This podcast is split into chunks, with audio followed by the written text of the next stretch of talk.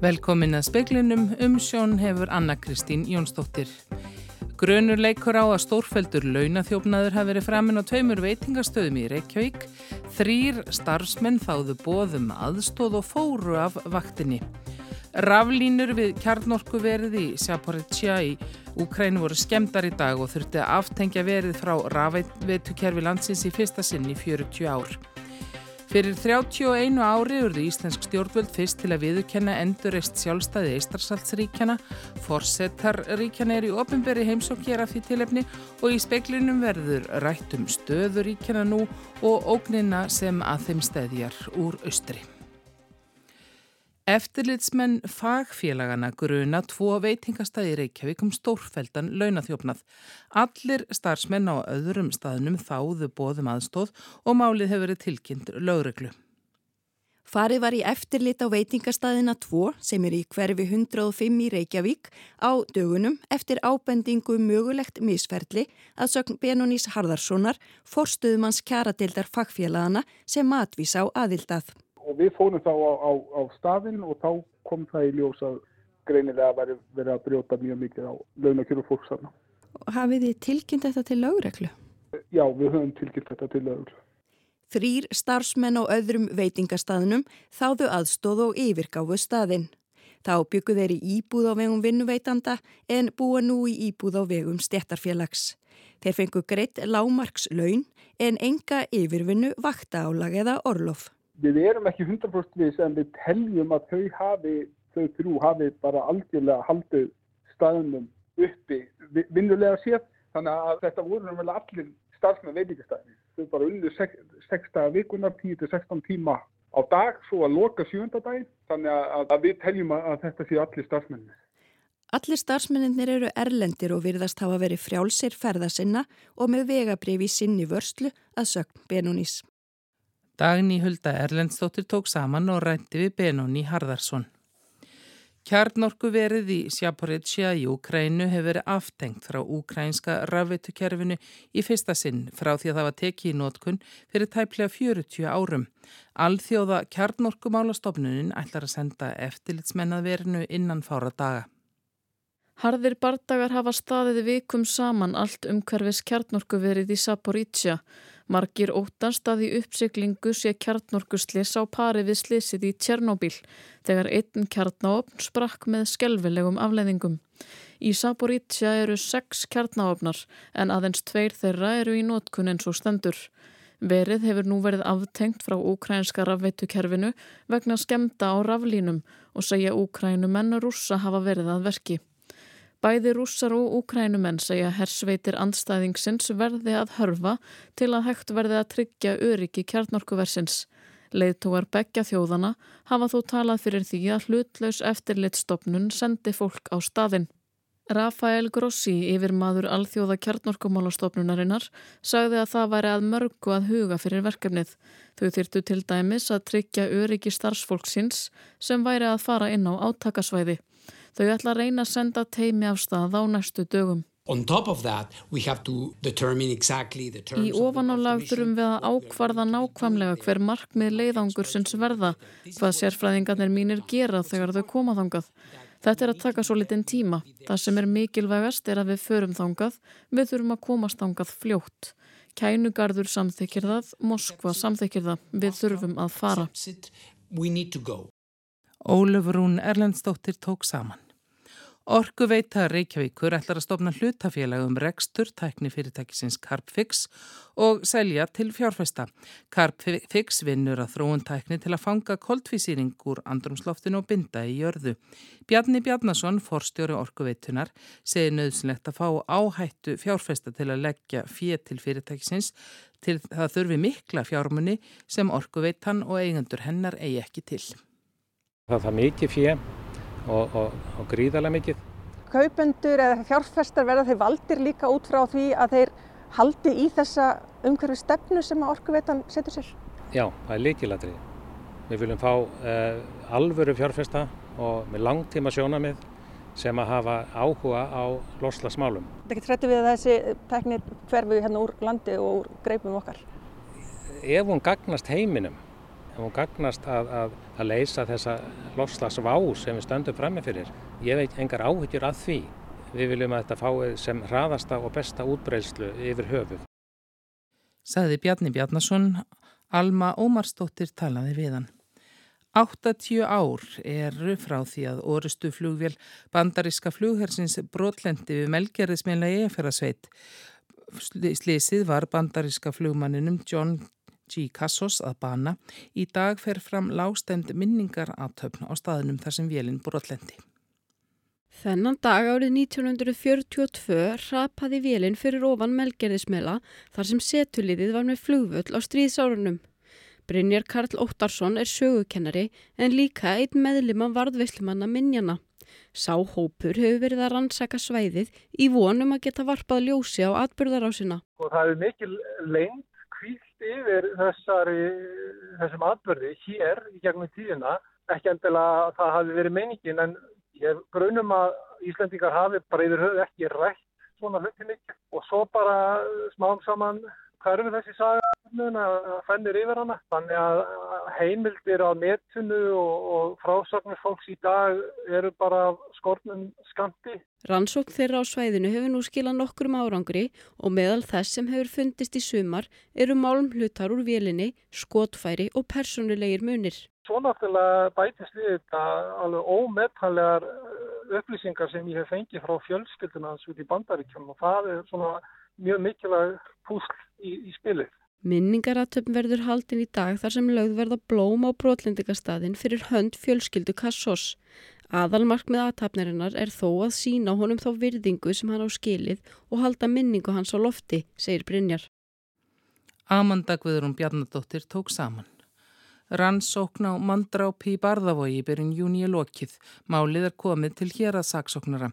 Þetta staðfestir Grímur Grímsson yfirlaurul þjótt. Maður sem var handtekinn skömmu eftir atbyrðin hefur verið gæsluvarhaldi síðan. Mikill viðbúnaður var við Barðavogi Reykjavík lögataskvöldi 4. júni eftir að tilkynning barst um meðvitundarlausan mann sem fannst likjandi fyrir utan heimili sitt með alvarlega höfuðávarka. Endur lífgunar tilrunir báru ekki árangur. Í beinu framaldi var nágranni hins látna kallmaður fættur árið 2001 handtekinn grunaður um verknæðin. Plötu útgáðu fyrirtækið Capitol Records hefur slítið samningi við gerfigreindar rapparan FN Mekka og beðist afsökkunnar. Rapparin var gaggrindur mjög fyrir rasisma og fyrir að gera lítið úr menningu svartra. FN Mekka lítur út eins og vélmenni með útlitseinkenni svarts manns.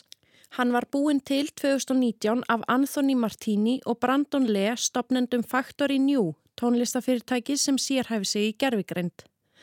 Nafnlaus svartur maður rappar laugin að sögn Martini en gerfigreindar forrið simur tónlistina og textana eftir greiningu á vinsæli tónlist. Capitol Records tilkynnti fyrir tíu dögum að FN Mekka hefði fengið plötusamning hjá fyrirtækinu og að hann væri fyrsti gerfigreinda rapparinn sem stór plötuútgafa gerði samning við. Mekka hefur verið harðlega gaggrindur fyrir nótkunn sína á N-orðinu í læginu Moonwalking frá 2019 og fyrir að hafa sett á Instagram síðu sína mynd þar sem hann liggur á gólfi í fangelsi og lögreglumæður ber hann með kilvu. Hagsmunasamtökin Industry Blackout sem berjast fyrir sangirni í tónlistarbransanum sendu frá sér yfirlýsingu stílaða á Capitol Records rétt áður en samningnum var slitið. Þar sögðu þau mekka vera særandi og beina móðgun við samfélagsvartra og menningu þess. Þau krefjast þess að öll ummerki um rapparan verði fjarlæð af öllum miðlum og að ágóði tónlistar hans verði gefinn til góðgerðarsamtaka sem styðja svarta listamenn. Make a lot of money, take care of my lady friends. Shopping in line, get chauffeur in the Maybach Benz. Þarna heyrðist í lokinni rappmenninu FN Mekka. Ingi Björg Sara Guðmundsdóttir tók saman.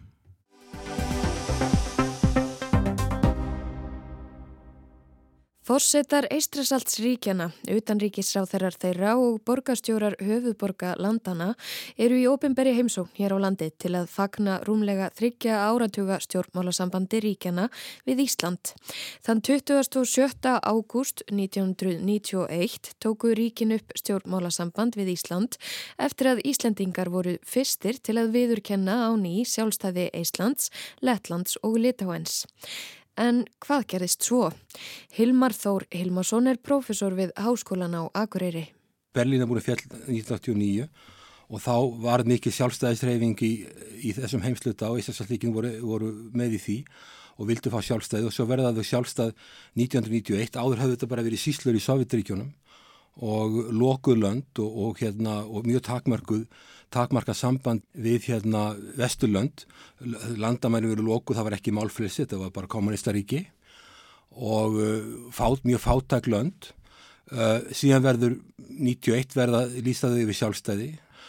Og fljóðlega eftir það fara þau að leggja mikla áherslu á að tengjast Vesturlöndum sterkum böndum eins og þau geta Enda, segir Hilmar, hafi leigið og liggi en mikið við hjá Eistrasaltsríkjónum að halda böndum við Vesturlönd tröstum. Ógnin úr austri hafi ávalt verið til staðar. Eistrasaltsríkin eru öll í NATO og hafa öll gengið í Evrópusambandið og tekið upp Evruna.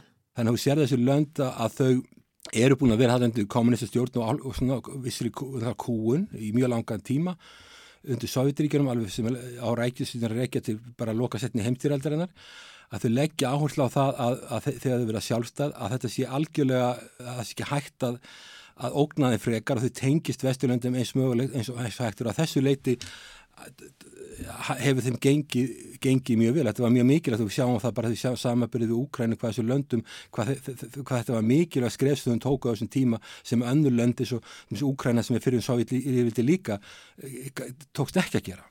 Ávinningurinn fyrir Eistrasaltsríkin er augljós. En hvers vegna voru Vesturlönd svo viljugt til að styðja ríkin þrjú í sjálfstæðisbaróttinu og síðar bjóða þau velkomin í NATO og Evrópusambandið? Það, það er mjög sterk söguleg tengsl með Norðurlandan og Íslandsríkjana og með þess að bara skoðar Íslandingasögur þá voru vikingarnir að fara á þessu sláður. Þetta er laung, laung söguleg tengsl þessu lönd og ég vann fyrir Alþjóðabankan í þessu löndum 99 til 2003 rétt á hann að fórin í Evrópussambandi og NATO. Það eru mjög sterk söguleg tengsl, það eru, eru viðskiptahagsmunir, eh, fjárfestingahagsmunir. Fólki í þessu löndum vildi geta farið til ferðast um Evrópu, Vestur-Evrópu stór hluti af Íslandi og, og, og Lettlandi var hluti af Svíþjóð.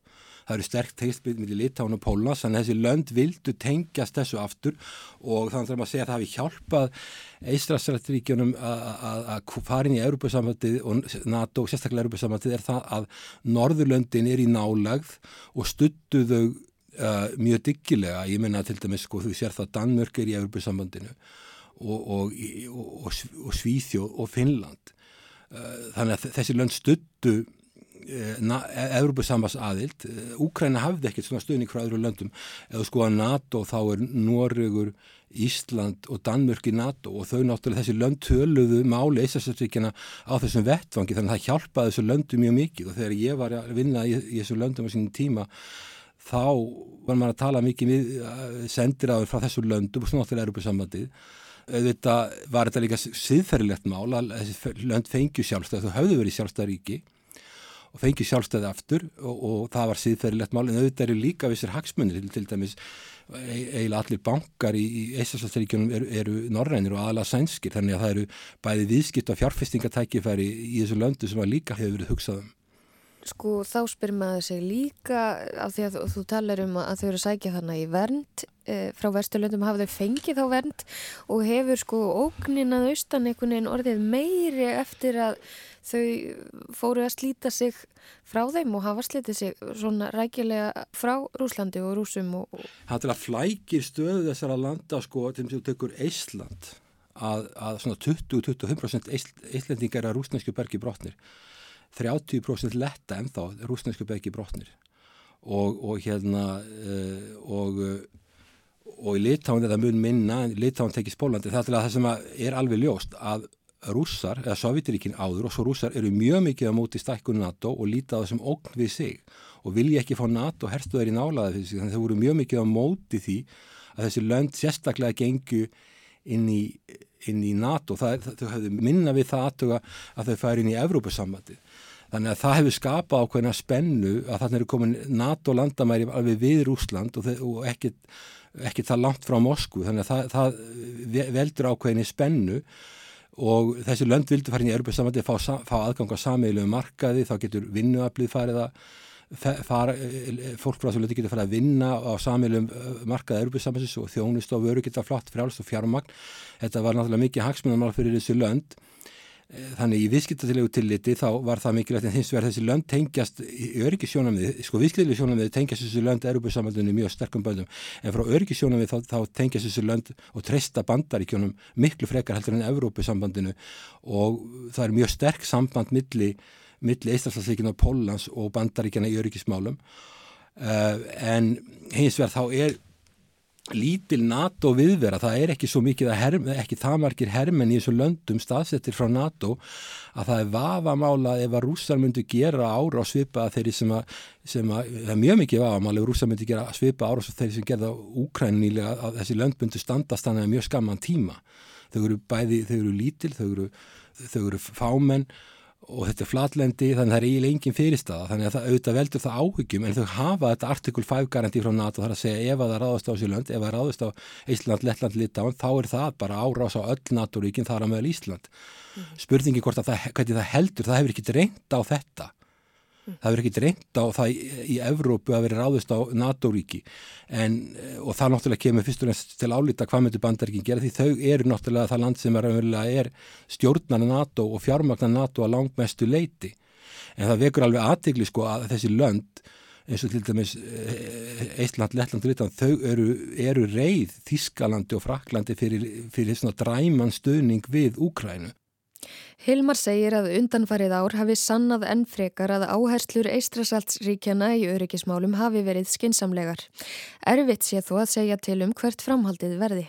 Það er erfitt að meta hvort það verði ráðist á því ég held að það sé ólíklegt en það er ekkert þetta útilokkaða og það, svo líka vakna spurningar í þessu löndum að þegar að 30% íbúin í Lettlandi eru, eru rússar og 20% í Íslandi hvernig myndur þetta fólk bregðast við? Myndur rússarnir í þessu löndu fara að berjast með rússarnir sem ráðast inn í landið eða myndur þau fara að berjast með lettum og, og lita á með eistlendingum? Það veit maður ekki. Saði Hilmar Þór Hilmarsson, Hafdís Helga Helgadóttir talaði við hann.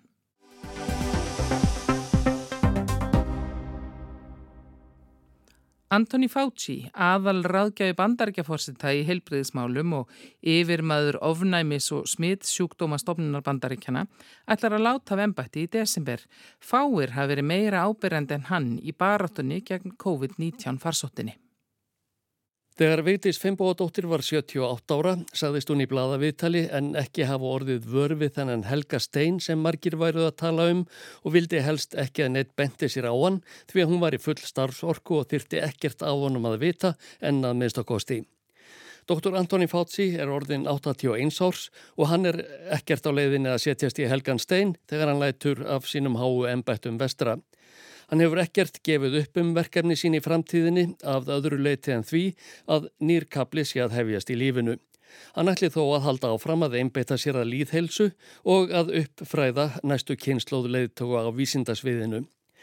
Fauci sendi frá sér yfir lýsingu í tilefni þess að hann ætlar að láta af störfum eða öllu heldur að skipta um starfsvettvang. Þar þakkaðan vísindunum og fjárfestingu í rannsóknun og nýsköpun fyrir það hvernig gengið hefur í baráttunni gegn mannskæðum farsóttum í heiminum.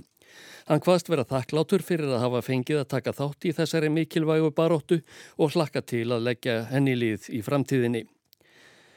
Fótsi varð eins konar holdgerfingur baróttunar gegn koronaveirinu í bandaríkjónum í mars 2020. Hann hjælt ávalt fram vísindalegum rökkum í baróttinni og mælti með mótfæðis aðgerðum svo sem að nota hlýðargrímur og að loka fyrirtækjum tímabundið til að draga úr smittum. Fyrir vikið varðan fyrir gaggríni úr ímsum áttum frá fólki sem taldi sig hafa önnur úrræði. Þeirra á meðal var Donald Trump þáverandi fórseti, ráðherrar í ríkistjórn hans og ymsir ennbættismenn. Antoni Fátsi var þó langt frá því nýgræðingur á sviði sóttvarna þótt margir vildu gera lítið úr baráttu aðferðum hans. Hann hófstörf við Líðhelsustofnun bandaríkjana árið 1968 þá 27 ára að aldri og hann styrði ofnæmis og smitt varnastofnuninni í 38 ár. Á þeim tíma fór hann fyrir teimi vísindamanna sem rannsökuðu nýja sjúkdóma og aðra eldri sem áttu til að skjóta upp kollinum þegar minnst varði. Hann var aðal ráðgjafi sjö bandaríkja fórseta í helbriðusmálum, allt frá Ronald Reagan á nýjunda áratögnum til Joe Bidens. Fauci var raunar einn af þeim fyrstu sem Biden reið til starfa þegar hann tók við fórseta ennbættinu. Fauci þakkaði fórsetanum tröstið, sagði erfiða tíma framundan næsta árið eða svo, en hvaðst vissum að komist yrði fyrir COVID-19 farsóttina rétt eins og endi hefði verið bundin á þær fyrri. As we have done during previous crises, I also know we can get through this pandemic together as a nation. Thank you for giving me the opportunity to be part of this effort. Á árunum sem Antoni Fátsi var helsti ráðgjafi bandaríska fórsetta ennbættisins hafa stæðjað að ymsar helbriðislegar ógnir í heiminum svo sem HVF og alnæmi, vestur nílarveiran, miltisbrandur, heimsfaraldur influensu, svínaflensa, mers, ebola, síka og öruglega eitt hvað fleira.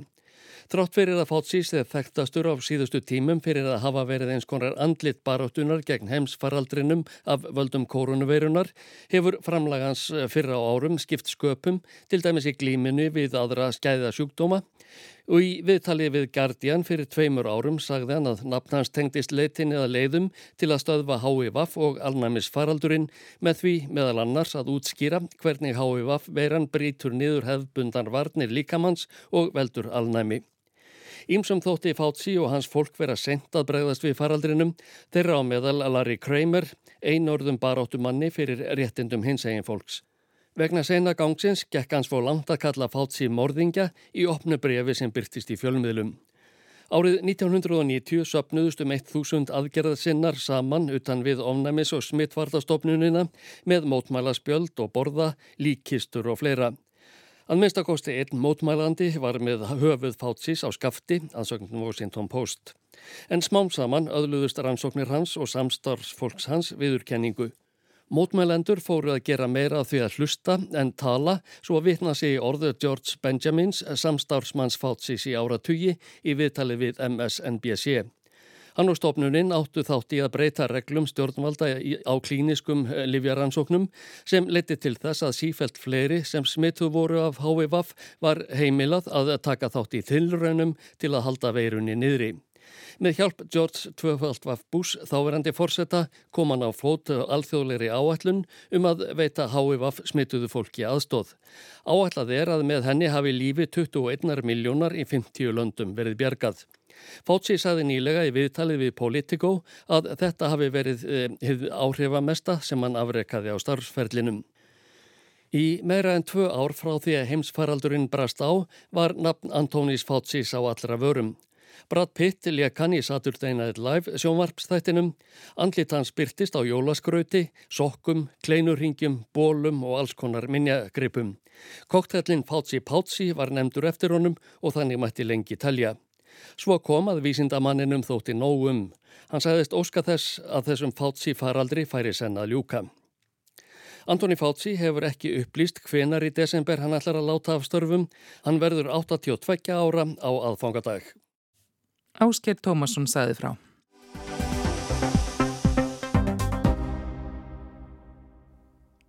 Ilja Batljan, fyrirverandi stjórnmálumæður jafnamannaflokksins sænska, hefur á síðustu árum byggt upp gríðarstort fastegnafélag, byggt eða keift ofinbera byggingar og leigir þær svo aftur til margra ára tuga.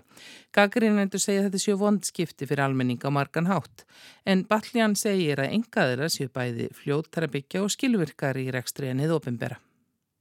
Ilja Batljan er auðugur maður. Fastegnaveldi hans, SBB, átti í fyrra fastegnir sem metnar voru á jafnverði um 1500 miljardar íslenskra króna. Personlega auðleg hans namn þá næstum 120 miljardum og hafði orðið til á örfáum árum. Batljan stopnaði SBB árið 2016. Með gríðarlegum lántökum og stórtækum kaupum fastegna sem áður voru í eigu hins opinbera hefur hann byggt upp stórveldi og á meðal annars að hluta til eða í heild rúmlega 500 leikskóla, 168 dvalarheimili og 39 lauruglustöðvar. SBB á einnig skóla, heilsugeslustöðvar, sambíli, húsnæði domstóla, íbúðarhúsnæði og menningarmiðstöðvar. Áður en Batljan byggði upp fastegna stórveldi sitt, reys hann aftur á móti til metorða á öðrum vettfangi. Hann starfaði innan sænska jafnaðarmannaflokksins, meðal annars sem pólitískur sérfræðingur í félagsmálaráðanetinu og sem kjörinn fulltrúi á hérastingi Stokkólms og nákrennis. Baljan hefur verið sakaður um að nýta tengslanett sitt sem fyrirverandi stjórnmálamadur til að hagnast á kostnað almennings. Sjálfur segist hann hins vegar líta á stjórnmálaferil sinn eins og hverja aðra samfélagsstjónustu. Hann græði ekkert á þeim samböndum sem hann hafi frá því að hann var í pólitíkinni. Hann og samstarfsmenn hans séu einfallega betri í því að byggja og reka fasteignir heldur en hitt ofinbera og því stærra sem fyrirtækið verði, því meiri verði stærðarhagkvæmnin. Ilja Batljan er eitt þeirra sem dagans nýheter kallar velferðar miljardamæringana í nýlegri umfjöllun blaðsins um engavæðingu undanfarina ára og áratuga í sænska velferðarkerfinu. Um leið er fjallaðum nokkra einstaklinga oft stjórnmálamenn eða fólk með tengsl inn í stjórnmálinn sem hafa hagnast gríðarlega á þessari engavæðingu. Meðal annars er fjallað um skólakerfið, heilbríðiskerfið og fastegnir sem áður voru í eigu hins opimbera en hafa í vaksandi mæli verið seldar engaðilum eins og SBB. Kostirnir við það að engaðilar eigi samfélagslega mikilvægar fastegnir eru jafn augljósir og gallanir. Sveitafélag sem selur til dæmis hjúknarheimili fær háa fjárhæð á einu bretti sem hægt er að nota til að ráðast í einhverjar bráðunauðsilegar aðgerir eða rétta af reksturinn tímaböndið. Um leið skuldbindur sveitafélagið sig aftur á móti fjárhagslega til lengri tíma og missir líka valdið yfir mikilvægum innviðum. Það er floknara að endur nýja byggingar eða breyta þeim í takt við þarfir sveitafélagsins ef sveitafélagið á ekki byggingarnar. Og þegar leigusamningurinn rennur út er hið ofinbera ekki sérstaklega sterkri samningstöðu ef um er að ræða samfélagslega mikilvæga innviði á borð við skólabyggingu eða lauruglustöð. Sérfræðingar sem bladamenn dagans nýjatir hafa rætt við segja að það geti verið mjög dýrt fyrir sveitafélug til lengri tíma litið að selja fasteignir og leia þær svo aftur. Á 30 ára tímabili geti kostnaðurinn við að leia orðið tvöfaldur á við að eiga. Miðal þeirra sem hafa gaggrínt sölu ofinbæra fastegna út frá hreinum bókaldsrökum er fyrirverandi Sæðlabankastjóri Svíþjóðar, Lars Hækensten. Hækensten segir að það sé einfallega ódýrara fyrir því ofinbæra að eiga fastegnir en leia. Auk þess sé það ránt sem oft sé haldið fram að enga fyrirtæki geti byggt og rekið ofinbærar fastegnir á skilvirkari hátt. Þvert á móti leiði slíkt fyrirkomulag yfirleitt til hærri kostnaðar og minni sveianleika. Fyrirtæki Ilja Balljans hefur gengið vel undan farin ár og hlutabriðamarkaðunum hækkaði virði þess frá 5 til 7 krónum á hlut árið 2017 upp í rúmlega 60 krónur sænskar í lok síðast árs. Tífaldæðist um það bil á fjórum árum. Síðan þá hafa hlutabriðin hins vegar hríðfallið og tapað þremur fjórðu hlutum af virði sínu. Fastegnakaupin umfangsmiklu voru fjármögnuð með lánum og viðskiptahugmyndin byggði á því að vextir yrðu lágir til lengri tíma. Vextir hafa eins og er hækkað á síðustu mánuðum og ef lántöku kostnaður heldur áfram að aukast kann fyrirtækið að lenda í enn meiri vandræðum. Undanfarið hefur SBB því verið að selja eignir í stórum stíl og kannski dugar það til að lækka skuldarhlutfall og koma fyrirtækinu í skjól. Stæri spurningar eins vegar hvað myndi gerast ef SBB færi á hausinn eða annað fyrirtæki sem á fjölda samfélagslega mikilvægra fastegna. Verða skólabyggingar, heilsugjæslustöðvar og lauruglustöðvar þá seldar hæstbjóðanda eða er SBB orðið of stórt til að fara í þrótt? Þetta er Kári Kílvason sem talar frá Gautaborg. Og það komið því að horfa til veðurs, það verður norðan og norðvestan átt sem staðar all kvöss, áttinn þurrt sunnan og vestan til talsverð rigning norðanlands. Gul veður viðverðin gildir fyrir strandir og allt norðanland í kvöld, nótt og fram eftir mótni búast má við vatnavöxtum og hætta á grjótrunni og örskriðum eikst. En annar staðar verður úrkomi minna, svo dregur úr vindi og úrkomi á morgun og hitasteg verður svipað áfram. Það er helst í fréttum að grunuleikur á að stórfeldur launathjófnaður hafi verið framinn á tveimur veitingastöðum í Reykjavík. Raflínur við kjarnorkuver í Úkræni voru skemdar í dag og þurfti að aftengja verið frá rafvetukerfi landsins í fyrsta sinn í 40 ár. Margir óttast að uppsiglingu sé kjarnorkuslis. Orkuveita Reykjavíkur ætlar að stofna hlutafélag um rekstur tækni fyrirtækisins Carpfix og selja fjárfæstum. Og leðtóður Eistrasaltsríkjana komu í dag hingað í tveggjadaga heimsók til að minnast viðurkenningar Íslands á sjálfstæði ríkjana fyrir um 30 árum. Fleiri ekki speklinum í kvöld, tæknum aðri útsendingu var Mark Eldrett veriði sæl.